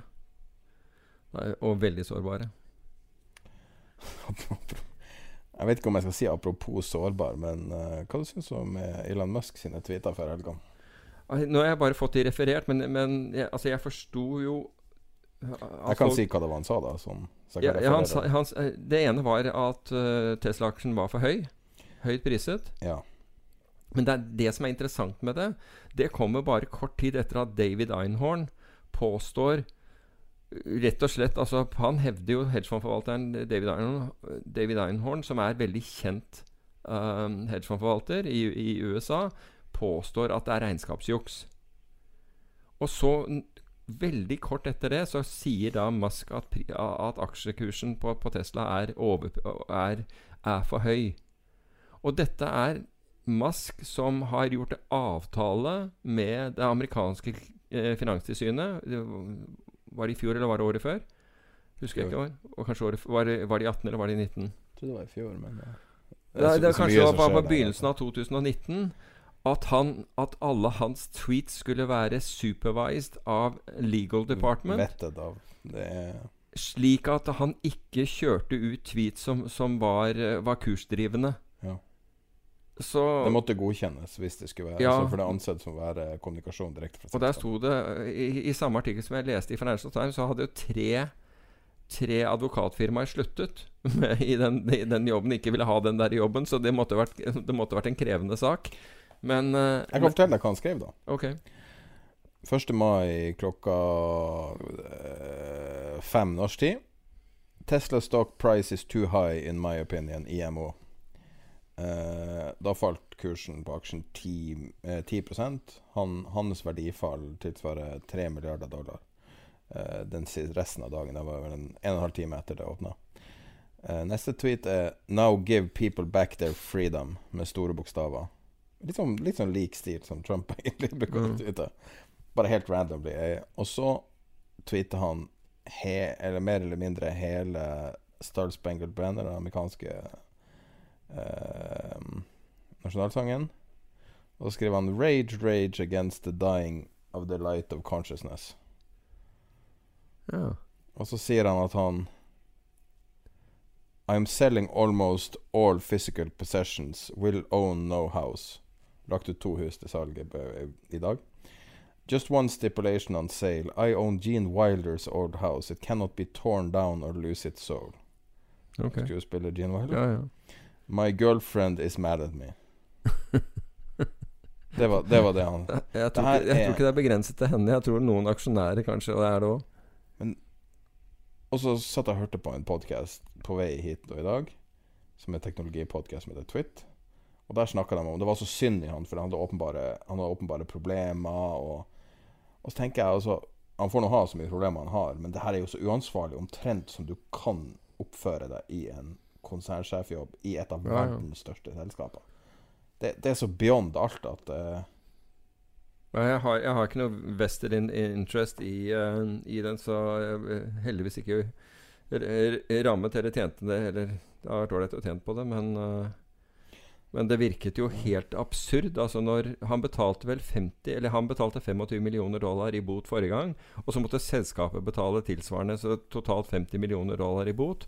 Da han løy om at uh, saudi-arabiske Sovereign Wealth Fund, altså oljefondet, hadde, hadde, uh, hadde, hadde gjort en avtale om å kjøpe Tesla til 420 dollar per aksje.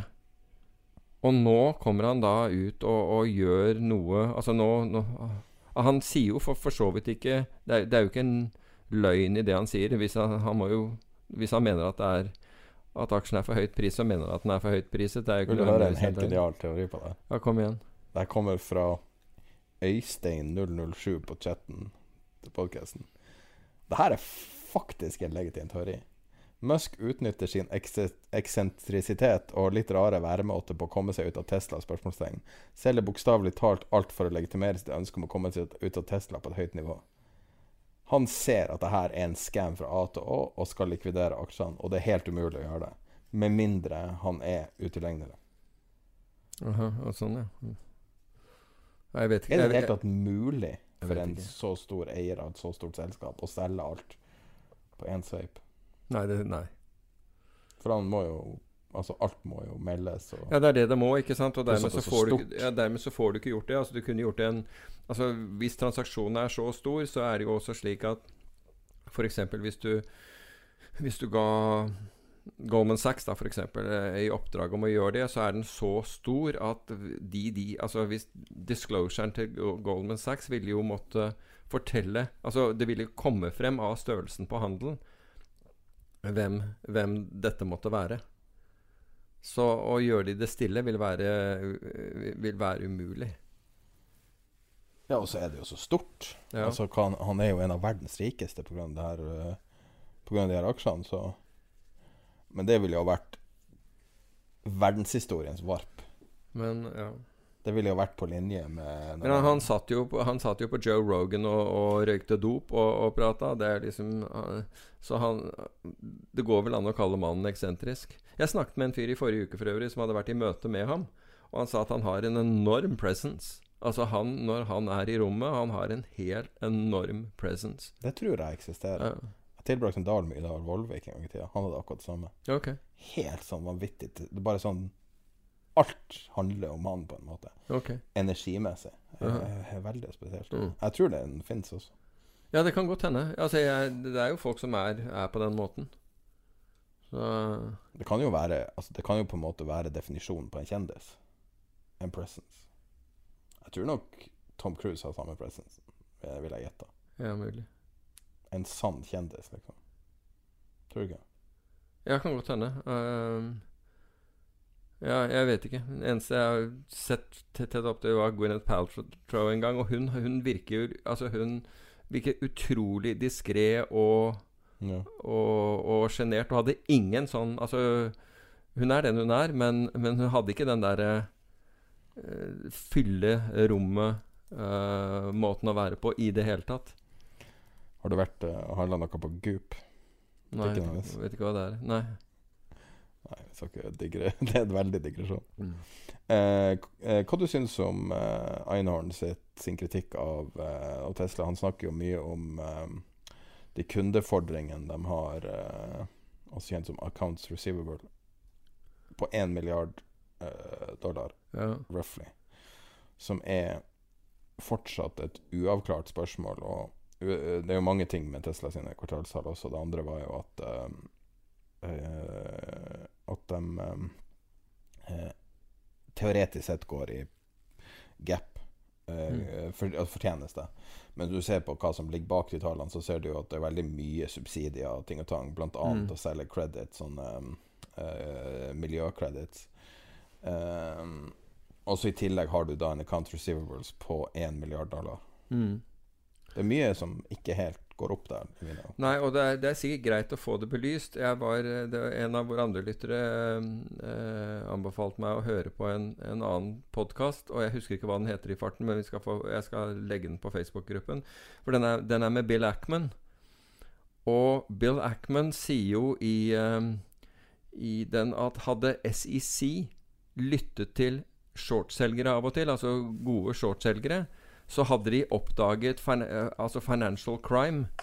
Eh, saken er at de har aldri oppdaget en, en, en, eh, en, fraud i et selskap ever. Altså før det har vært for sent. Men hadde de av og til lyttet til shortselgerne, så kunne de ha vært der tidligere. Så Jeg sier jo ikke at det er det som har, har skjedd her, men når en så uh, prominent person som David Einhorn, som på en måte har er svært grundig når han hevder noe, så ville jeg, vil jeg, nok ha fulgt det sporet for å se er det noe i dette eller ikke. Og det ville forbause meg hvis David Einhorn tar den sjansen å stå opp og si at her er det noe. Han er jo ikke den eneste, men her er det et eller annet, og påpeker nøyaktig hva han mener er galt. Uh, så skal det mye til at, at det ikke fins noe der, altså. Det ville forbause meg. Nei, altså, jeg står med min første uttalelse i podkasten fra tre år tilbake, eller hva det var, om at jeg tror at det fortsatt er en bygd på en gigantisk løgn, mye av ja. en, en fullblods scam. Men uh, um, jeg tenker jo også på den sam samtidig som man sier det, så må man jo si at Tesla er jo borderline uninvestable nå. Det er flere som har brukt grunnen til at jeg sier det på engelsk, at det er flere som har brukt akkurat det begrepet. Fordi at uh, det går ikke an å investere på oppsida eller nedsida. Det er så uforutsigbart. Altså, det, det, går nesten ikke an. Altså, det går ikke an å mm. bruke noen parameter for å investere i det. Når du har en sjef som kan torpedere sine egne aksjer. Altså det, det er jo, altså det, hadde det vært hvilket som helst annet, så ville han blitt kasta på dagen og sannsynligvis måtte inn på evaluering, mental evaluering for å se. For det er jo borderline uh, selvmordsforsøk. Altså ja, det, det, det er samme jo, gate. Ja. Jeg, har, jeg, har, jeg, vet ikke, Har det blitt kommentert noe særlig? Altså jeg, vet at, jeg vet at dette stemmer. Men Folk sitter jo bare og rister på hodet. Ja, altså jeg, jeg, jeg, jeg, fant ikke noe i helgen som på en måte debatterte øh, hva, hva, som faktisk Hva var det som hadde skjedd der? Altså i, i noe særlig grad, annet enn at folk var sjokkerte. Hva, og sa, hva, hva, hadde han tatt for noe? Ja, alle antar jo at han er rusa. Ja, men de gikk jo på det nivået. Ikke sant? Det var ingen som, som, som gikk og sa at det må være forankret i dette, eller dette er to, en, en, en plausibel teori Man for kan jo si at han han føler seg tynga ned av eiendeler, og det kan jeg føle. på. Jo, men det er jo noe vi liksom sier her og nå. Men jeg så ikke noe analyse i løpet av helgen hvor noen hadde liksom satt seg inn i den situasjonen og sagt det er ganske sikkert dette han refererer til, eller, eller hva som helst. Å ja, Altså, nei, det har ikke jeg sett. ikke sant? Altså forsøkt å rasjonalisere hvorfor Hva var det som skjedde der? For det er ganske overraskende. Og, og, og contradict, hva heter det for noe? Eh, Og, og, og, sier imot alt annet han har Altså, sagt det er jo dagen etter eh, eh, TK-filinga. Det her er to dager etter kvartalstallene. Mm. Det her er når han sitter der og sier at, eh, at det er et brudd med menneskerettigheter. At de eh, prøver å beskytte Californias befolkning for å bli smitta. når fabrikker spesifikt er, er sett på som en stor vekter for smitting. Og han nekter å stenge Hvis han sier Hvis han nekter å stenge fabrikken den ene dagen, og neste dagen sier at aksjene er for høyt priset, det er jo to Altså det er jo sånn Det er en sånn dissonans mellom de to Mm. helt Altså, men det er jo, vi er jo i en verden på, på en måte så tenker jeg Gikk jorda under i 2012, sånn som eh, Sånn som maya-indianerne? Og det her er bare en illusjon vi lever i. Fordi at alt er jo så sinns... Det er så mye sinnssyke ting som skjer hele tida. Ting som er helt ulogisk. Apropos å trippe ut. Du, uh, har du sett den første epi episo episoden av, av Billions? Nei, Nei, for der er han og han, eh, hans uh, nummer to De har reist ut i ødemarken og, og møter noen indianere og er med på et ritual der, og den er ganske spaced out, kan jeg love deg. Da kan du lure på, ja. på om verden er der eller ikke. Er ikke det dem du eh, Jeg så det var noen som henviste til at du driver oversett, som det har stått i avisa. Mm, stemmer. Skal vi se på Billions trailer, tror du det er det? Nei, jeg vet ikke om det er i traileren. Den, er, eh, den eh, episoden kom ut i forrige uke, så Jeg er veldig stor fan av en skuespiller, en komiker som er skuespiller der. ok. Hvem er det? Ehm, eh, Dan Soder heter han. Okay. Han er sånn analytiker, tror jeg. Eller noe sånt. Okay. Uh, nei, jeg har aldri sett Billions. Uh, jeg, det var så, jeg så den første episoden. Jeg syns det var så mye Det var så mye sånn urealistiske ting som skjedde. Altså.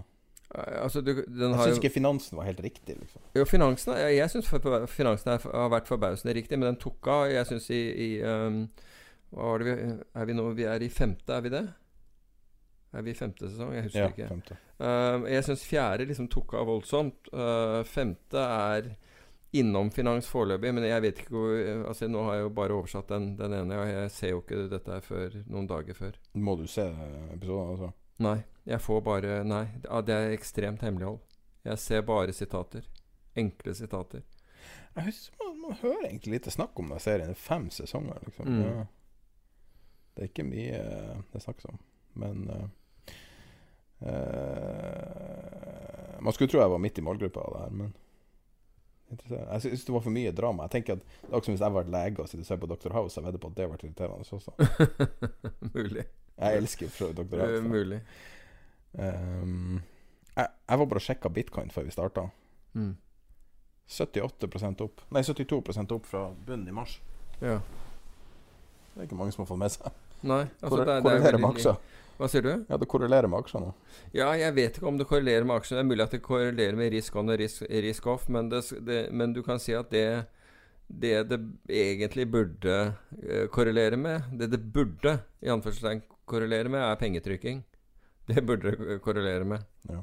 Um, og du kan si at eh, fra bunnen der så, så ble det iverksatt en voldsom pengetrykking. Så uten det at jeg skal si at du kan nå Altså at, eh, at bitcoin er, er, er din hedge mot, eh, mot pengetrykking. Selv om jeg tror at det er, det. Men det, det vil i, i så fall også gull være, bare så det er sagt. Hvis man abonnerer på den der teorien at jeg vil ha noe som er, altså, som er en kjent, eh, kjent størrelse, altså en mengde, og som er uavhengig egentlig av pengetrykkingen, altså hvor man ikke kunne plutselig doble antallet eller et eller annet sånt, uten at det har noen konsekvenser. Men i en verden der man er bekymra for om maska du kjøper, er en eh, eh, en eh, Er piratkopi av eh, eh, FFP2-maske, og, og, folk snakker i de begrep, så føler jeg at bitcoin er så langt bak på prioriteringsrekkefølgen. Det er liksom å snakke om gull mm. i ei full krise. Det er ja. det alle gullfantaster eh, sier, at mm. når ting går til helvete, så kan du alltid bruke gull. Men det forutsetter jo at Dawn er villig til å ta imot gullet ditt. Og da kommer vi tilbake ja, ja. til hytte og hagle. Ei hagle har verdi uansett faen. Det kan du være helt sikker på. Kanskje med mindre det er sånn Waterworld-greie, at man får vann på kruttet. Eller noe sånt. Men utav forutsetning av at Kevin Costners Waterworld ikke blir hvordan vår uh, End of Days uh, ender opp, så tror jeg hagla er fortsatt bedre enn gull. Ja, det, det, er, mulig. Jeg vet ikke om uh, hagleprisene har, har, holdt følge med gullprisene. Det tviler jeg litt på. I Tromsø, når jeg var der, der. så begynte de å ha sånn hjemmelevering av, av matvarer. Okay. Og den første butikken som starta med det, var våpenadressen. oh, wow. så jeg tror de selger andre ting også, men var, jeg ser ikke for meg at liksom dag én i koronakrisa at det du sitter og higer etter, er patroner Nei, jeg tenker at liksom når du ringer kolonial.no og skal ha Biola og pose med havregryn og en 20 mm, jeg vet ikke om det er liksom Det er, innafor sortimentet deres. Vi, vi, du var vel den første som som jeg fikk Jeg vet ikke, for at jeg litt, blir litt sånn allergisk mot finansnyheter, så det er mulig jeg missa samtalen rundt USO, den uh, olje-ETF-en. Mm. Men den kom jo veldig i forefront. Ja. Um, de Etter du hadde du, Jeg tror ikke om du skrev om det på chatten, jeg husker ikke ja. jeg så det. Uh, og, og, det er jo den olje-ETF-en som da tok fysisk levering av olje, og da plutselig ble et veldig stort problem, fordi at den kunne jo selvfølgelig ikke da ta imot olje. Ja, altså problemet, problemet, er jo at de kontraktene som USO kjøper altså USO er en, en amerikansk ETF, og den handler da amerikansk lettolje. Og den, den, som kalles WTI. Og den er det fysisk levering på.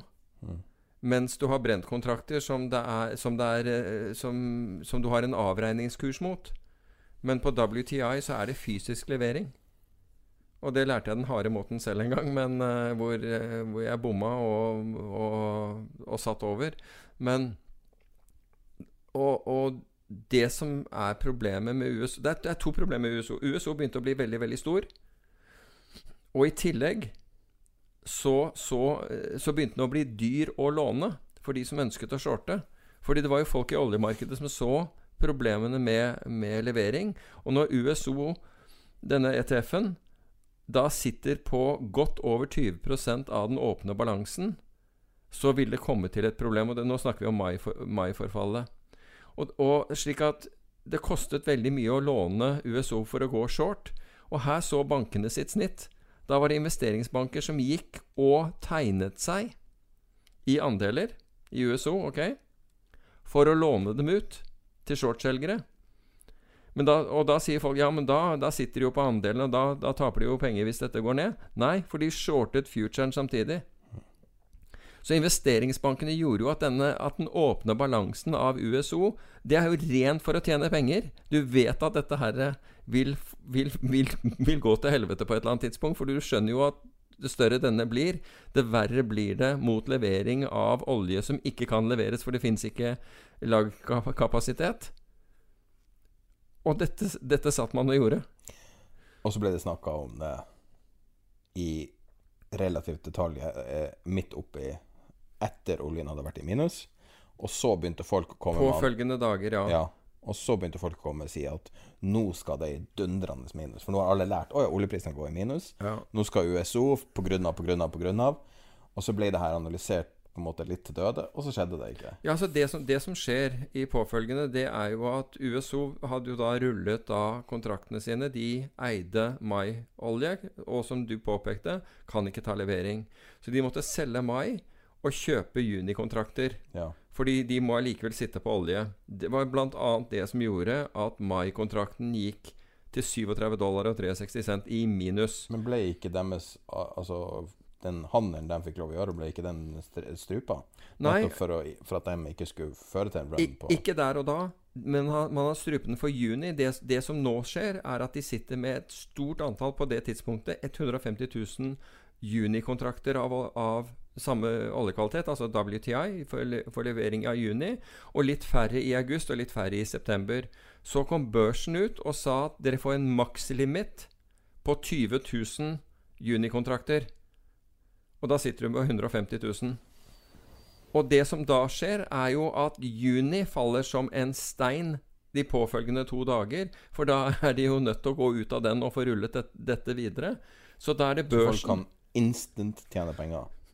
Ja, altså, ja, du visste jo hva som skulle skje, i og med at de satt på 150 000 kontrakter. Og det var jo akkurat det som skjedde. Da trynet Men det er jo en gammeldags corner. Det her er jo futures-markedet. Alle som har lest noe om futures-historien, Ja, så er det men jo er det en- konstant cornering av markedet. Men her er det børsen selv som cornerer det. Altså Det er børsen som sier at dette her går ikke, og plutselig setter en Altså Du kan jo tenke deg selv, hvis du har Ingen har sagt til deg at du, ikke, at du har en limit på det. Du har 150 000 kontrakter, og så får du beskjed Du, det, du har akkurat nå 130 000 for mange.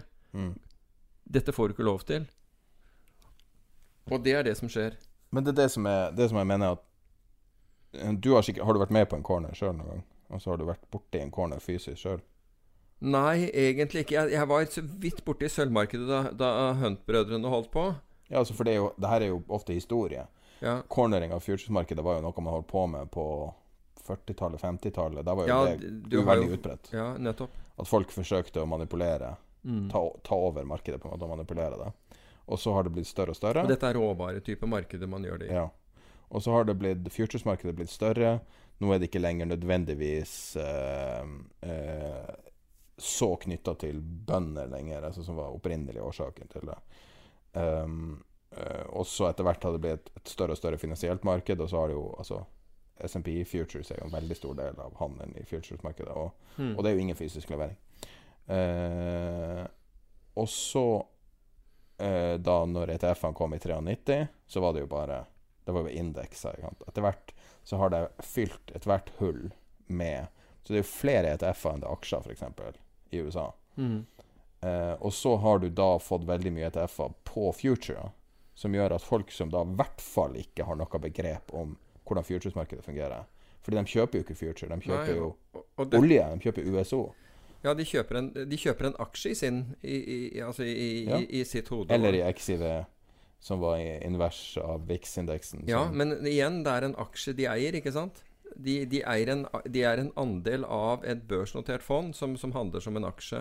Og hvis de er ekstra heldige med innebygd giring altså. Ja, det kan du gjøre. Og du kan, det som er det helt utrolige her, er at, er at eh, finanstilsynet rundt omkring i verden, som er så vanvittig opptatt av at in investorer Altså, du må ha profesjonelle investorer for å handle futures og du, for å investere i hedgefond, og det er ikke måte på. Men med en gang du tar en av disse tingene og putter i en, i et, i en um, som en aksje Mm. Du har jo hedgefond som er aksje, bl.a. Uh, Bill Ackman sitt fond er jo er som en aksje. Da kan en hvilken som helst idiot gå og kjøpe seg det. Nordnett pusher ETF-er så grønn jævlig mye i Norge. Men du ser på hva investorene som er på chatten vår, som alle bruker tilsynelatende Nordnett, fordi at når Nordnett har problemer, så hyler og skriker alle. Når du ser de verste dagene, de mest turbulente dagene, så var det Nordnett-ETF-er alle var ute etter. Det var ikke noen aksjer de satt og diskuterte. Det var ETF-ene, triple leverage ETF-ene. Ok. Og jeg vil gå så langt som å si at jeg syns det burde være et forbud mot alle komplekse ETF-er. Det burde være et forbud mot innebygd giring. Og, Altså, det, jeg, jeg- mener jo og det burde være et stor varsel hvis en ETF er ment å holde én dag eller mindre. Så Jeg snakka med en kompis av meg som jobber i en bank. Og så fortalte han meg hva kundene gjorde. Altså sånn i over, altså Hva Mm. som var trenden, ikke, ikke noe som var, eh, som var konfidensielt. Og da sa han at altså, folk er ute etter eh, ETF-er som er eh, Altså der man ikke rådgir, de gjør valgene sjøl. Mm. Masse kunder tok lange posisjoner i ETF-er som er ment å holde i én dag. Fordi de rebalanserer, så de blir kjempedyre å sitte med Ja. over tid? Akkurat. Ja, for dem, altså, du Ja. får jo en forvitring av verdier, med mindre du har en helt eksplosiv Ja. bevegelse. Og det her er jo store profesjonelle kunder i store banker. Altså folk som har, som har erfaring fra multinasjonale firmaer og eid det og sånn, sitter og holder på på den måten i dag. Men altså, jeg, altså jeg, er, er ikke så hvorvidt de skal eller ikke. Jeg, jeg mener jo at bare re regelverket må behandles likt. Jeg. Altså Enten så, så sier myndighetene at denne type eh, den, altså, du, La oss si at du har en belånt investering, eller sånt, at det er kun for profesjonelle investorer. Ellers så gjør man det ikke. Du kan ikke si at det er altså, Men hvorfor er hedgefond forbud? Og hvorfor kan Nordnett ha 1500 ETF-er? Ja, altså, Jeg vet ikke hvorfor myndighetene fa fant ut at det skulle være så vanskelig å, å putte pengene i, i hedgefond. Antagelig så har, de, har det vært vel ment, det de har gjort. Men poenget er at, er at når, du kan, når, de, når den samme investoren kan ta vesentlig mer risiko ved å kjøpe et, produkt, et, et børsnotert produkt, så henger jo ikke dette her sammen i det hele tatt. Det er jo helt idiotisk. Så ETF er jo fantastisk hvis det er en indeks og du betaler jeg vet ikke hva avgifta er, 0,01 eller Ja, annet er jo- ja, ja, det er ikke noe galt i ETF-er. Men det er jo når du begynner med illikvide markeder, innebygd giring, kompliserte underliggende instrumenter, når ting krever at du vet hvordan det underliggende markedet fungerer. Ja. GLD eksempel vil jeg si at er sannsynligvis en av de beste ETF-ene, som er gull-ETF-en. Ja. Den, kor den uh, korresponderer med Med gullprisen. Ja. Ja. Og det er en lett måte for deg å få eksponering. En av de mest likvide ETF-ene, SPY, eh, som er da Mm. Men du kan si at i, i utgangspunktet så gjaldt jo det USO også, for USO hadde ikke anledning til å, å, å belåne. Det er ikke et belånt uh, fond. Det ligger ikke Men det er en future i utgangspunktet. i Det er future, men, og men, det er et problem. ja, men, det, det er ja, uh, ja, men du kan si at USO må ha 100% av det Altså har da 100% for det de, de kjøper for. Så det er, de bruker ikke giringen som de kan få ved at det er en future. De har like mye cash som, som, øh, som det de kjøper for. Det sagt, så er, har du Så lenge ingenting umulig skjer, så Riktig, fungerer det. riktig. Så lenge, Tysk, så lenge Russland ikke konker. Ja, så, ja, så, så lenge, Og så konket det. ja, så, lenge, Men du kan si at det USO antagelig burde ha vært det, og det, det vet vi i hvert fall nå, det er jo å ha hatt en avregningskurs frem, fremfor en hvor de kan ta fysisk levering. Fordi USO kan jo ikke, og det tror jeg du var inne på litt tidligere, kan jo ikke ta fysisk levering. Så selv om USO ville, og hadde og hadde eh, Cushing lagerkapasitet, så kunne de ikke bare si jøss, bare sleng det her, du. Og det er jo ikke, altså, det er jo ikke helt crazy den problemstillinga med at man har fulle lager og vanskelig å ta levering. Det er jo ikke første gangen man har hatt problemer med infrastrukturen i det nei, amerikanske oljemarkedet. Og det er jo en quirk. Det er en quirk of faith der at, at Cushing, som ikke er på kysten, at det som ikke er et naturlig punkt, Ja. at det skal Altså, det er jo også en ting som man burde vurdere, er å, å kanskje legge om hvordan det her fungerer, det Mm. Mm. Så, så det var jo aldri meninga at det skulle være det. Det er jo mye mer naturlig at det er et endepunkt der du har eh, Som har en sånn funksjon, da. Nettopp. Men nå er jo eh, verken av oss eksperter på, på oljeinfrastruktur. Men, men derimot ETF-er må man være forsiktig med. Men det jeg så, det var jo en, en hel haug av instrumenter som handlet på, på børs, som hadde matching Altså de, de dagene i mars. Nå, herregud, så da gikk jo hele skjermen rød, hvor, hvor det var matching holdt på alt mulig rart. Og det er klart at Ikke bare matching holdt, det var vel en hel del som bare ble trukket tilbake. Ja, det kan godt Så hende. nå er ikke det verdt noe. Men, men, men, men mitt poeng er at investorene i de høyst sannsynlig ikke ante at, at det kunne skje. Men det så vi jo, fordi at det var jo folk i chatten som satt på de, verste, de mest turbulente dagene, når vi hadde 10% ned og de dagene, Mm. eller hva det var. Så satt jo folk og sa at 'jeg får ikke innløst det, jeg ringer Nordnett', og kan, du kan ikke gjøre noe for det. Altså, når det gjelder daytrading, eller hva man skal kalle det, altså kort, kortsiktig aksjespekulasjon, så er jo Norge i praksis Nordnett nå, så vidt jeg kan se. Okay. Eh, som jeg skulle gjerne ønske at det var flere som, som ble nevnt, da, men alle nevner dem som sin, som sin, uh, sin megler. Eh, og jeg syns at Nordnett burde ha, ha Nå har jo nettopp vært der, da. Det hadde vært artig hvis du hadde konfrontert dem med det og sagt kanskje ta litt mer ansvar i sin rolle, og ikke tilby de her psykospekulative Men noe av det de, de tilbyr, er jo ikke, er jo ikke Nordnetts produkter. Det er, det er tredjepartsleverandører. Er? Commerzbank, ja. Helt riktig i Tyskland. Så sine, sine produkter. F Fake futures og Nei, hva var det? Det var, det var ting som var priser som det var Nei, som var navngitt som det skulle se ut som det var en, et annet produkt. Det kalles minifutures eller noe sånt. Ja, det er et eller annet sånn. Men de, men de er ikke alene om å kalle disse produktene det. Nei, men i Norge har altså, jeg, jeg vet ikke om noen som bruker f.eks. DNB Markets som vanlig, vanlig trader, altså en vanlig enkeltperson. Du bruker Nordnett, og Nordnett har en uvanlig, et uvanlig stort ansvar i markedet. Ja, altså de er jo store. Det er helt klart at de er. Så Nei, men ETF-er er problematisk. Ja, kan være det. Ja, ETF kan være problematisk, men igjen, altså det er som så mange spør om forskjellige ting på, på enten på, på Facebook-gruppen eller på, på Discord. Altså du, må, altså du må selv vite hva du investerer i. Du er jo nødt til å forstå. Altså Du kan ikke ta fra enkeltmennesket. Du, altså, du kan gjerne Jeg Les prospektet før du gjør ja, du kan regulere herfra til månen, men, men mange av disse tingene er ikke regulert heller. Og da er Ja, men jeg syns når man først skal regulere, så er det Det her er jo en ting som virkelig er Jeg, jeg mener at reguleringen skal være eh, konsekvent. jeg. Altså enten Altså Hvis du mener at, at eh, produkter med belåning ikke egner seg for for uh, småinvestorer, f.eks. Innebygd belåning. Ja, men da må, da må du være konsekvent med det. Ja. Da må du være konsekvent med det uansett hvilket investeringsprodukt. Ikke fordi det er banker som tilbyr det. Nei, da, det, da, da ser vi gjennom fingrene med det. Det er jo helt galskap, det. det. Man må være konsekvent i reguleringen. Det er alt. Nei, altså Man ser bare det at når du presser et system, når du virkelig presser det, sånn som man gjorde i dagene, så ser Mm. du at systemene går ned. De, altså Bokstavelig talt åpner ikke handelen på skjermen hvis du er på. Det så vi hos en rekke aktører som hadde tekniske problemer fordi at Mm. or, eh, både eh, sikkert ordreflommen var så stor, og kundepågangen på, på interfacen var stor. Um, men du ser jo da at systemene var ikke klar, klarte ikke den, den testen. Den belastningen. Mm. Og så klarte ingen av de ETF-ene det. Alt bare ble, ble kansellert fordi man klarte ikke å finne riktig pris. Men det Fordi var vel var fordi, fordi eh, bevegelsene var så store at uh, Obviously, men ja. da burde jo ikke dette ha vært et instrument hvis det ikke tåler de store. En future tålte jo det. Altså, vi så jo f.eks.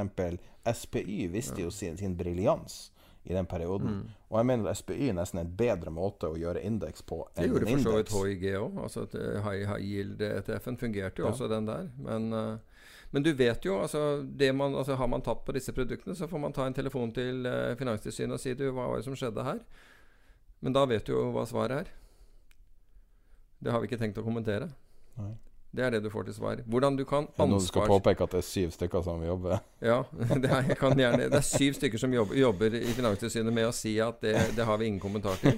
Men, men det jeg ikke skjønner, er hvordan, du kan, hvordan, altså hvordan en institusjon, en statlig institusjon, kan ansvarsfraskrive seg alt. Det forstår jeg ikke. At ingen blir sagt død. Ordne opp i dette her. Svar folk på dette. De, de må kunne få svar på sine spørsmål. Isteden så har du en avdeling på sju mennesker som da eh, som da, da sier at dette har vi ikke noe kommentar til. Det er helt utrolig. Det hadde jo ingen i næringslivet kunne drevet på den måten. Hvis Finanstilsynet hadde kommet til deg og sagt "Det- dette vil vi ha svar på, da må du stå skolerett og komme med det svaret. Mm. Men når investor spør Finanstilsynet hvorfor de har tillatt et eller annet, eller hvordan dette virker, så, de, så er det ingen som ansvarliggjøres. Det, er, det henger ikke på greip. Sorry. Og med de ord Nei, jeg kan avslutte med en god nyhet. Uh, igjen fra chatten. Så nevner jeg mye chatten fordi det, det er generelt mye aktivitet der. Og Facebook-gruppa er det mye som skjer på. Uh, på chatten så har vi en lege som har funka som en sånn filter på den der koronaviruskanalen. Så det er to gode nyheter. Det ene er at det er veldig lite aktivitet på den koronaviruskanalen. Eh, det har vært et høyt nivå på det, spesielt fordi vi kunne validere ting med en lege som sitter der og kan svare på ting. Mm. Eh, og det andre er at eh, han la inn en melding i dag og sa at de tester så mye de har gjort. Altså det øker test, og det er veldig lenge siden de hadde en positiv. Det er jo Det er hyggelig. en bra sånn Det ja. Altså Én ting er å se detaljene, men andre er liksom anekdotisk, da. mm. Eh, og sier at de har begynt å um, De har begynt å ha sånn um, antistofftester nå. Okay. Så Men hva du syns, da? Det store spørsmålet her nå er hvordan var det når vi har podkast i sofa, som vi har nå? Ja, det føltes annerledes. Jeg syns det føltes litt Mm. potensielt litt mer avslappa. Liksom. Man tenker ikke så mye på det. Jeg har en, jeg har en skulder som konstant verker pga. en avreden muskel, så helt avslappet, men eh, greit nok. Okay. Er det sofaen sin skyld?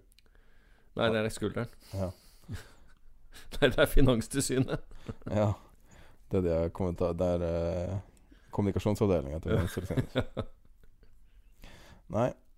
Men jeg liker at du er optimist. Det er jeg. Absolutt. Evig kontrær. Ja, Dessverre. Hva er det man kjøper da hvis man er i finans? Eller var det hagle? Var det det vi ble enige om? hvis du er i finans. Hagle med krutt som tåler Nei, men det vil jo alltid være ting som blir feilpriset i, i, eh, i eh, situasjoner som, som dette. Og nå kanskje du Og det vil skille seg fra, fra ting som er, er som, som er eh, overprist, og de ting som du virkelig burde ta i. Men jeg tror også det er mye tull fordi, altså, der ute. For nevner du korona med, med, et, eh, med et selskap, så, så, så, så går det opp. Ikke sant? Altså, det, blir, det er mye sånn tulleprising også. Men, men i dette her så, så får vi nå se hvem er det som faktisk tjener penger. Hvem er det som fortjener sparepengene dine? Hvilken bedrift er det som fortjener sparepengene dine? Ikke bare fordi kursen går opp og du kjøper pga. momentum, men fordi faktisk tjen, tjene penger. De innoverer, de, de finner nye muligheter. Hvilke, hvem, hvilke bedrifter er det som har ledere som faktisk nå leder? Microsoft. Og ser muligheter? Microsoft. Ja, kan være. Kan være. Han har utmerka seg. Ja. Veldig, veldig. Men det er sikkert noen av de norske også som har faktisk god ledelse, som forsøker å finne muligheter. Og som, og som Jeg tror at det er muligheter. rykte. Altså, vi virkelig det der Buffett-sitatet om at du får se ikke så svømme naken. Mm. Herre fred, det her eh, krisa her har avdekka en del folk. Det gjør det. Folk som jeg trodde var nesten untouchable. Ja. Så mm, både i reaksjon, altså hva de gjør, hva de, altså hvordan de handler i forhold til kunder f.eks., og også hvordan de handler i forhold til si, folk og Norge og politikere og alt sammen. Det er Ja. mye, det er mye man ser. Så eh, definitivt eh, en periode som kommer til å prege lang tid, vil jeg si. Men jeg håper at vi kommer styrket ut av det. Ja. Og jeg tror det òg. Det er kanskje et bullish sånn sett at Warren Buffett ikke er bullish. Kanskje. Kanskje. Jeg så for øvrig at, uh, at det var rekordshorter i, nå i forrige uke i SMP 500 Future. Nå hadde, nå hadde Leverage Money virkelig gått short. Mm. Altså på, på, den, på den oppgangen. Men gledelig nok så er eh, short-interessen i, eh, i, i VIX-en, altså de som ønsket å være short VIX, den er veldig, veldig lav. Det er Ikke så veldig rart. Så, eh, men da tror jeg vi sier at uh, Sofa-podkast nummer én var vellykka. Uh, og så uh, er det to uker til nummer to. Vi kan ha det som en sånn egen sånn kategori. Hva da? Sofa-podkast. En ganske stor sofa, da. Altså. Kontorpodkast. Nei, vi ses om to uker.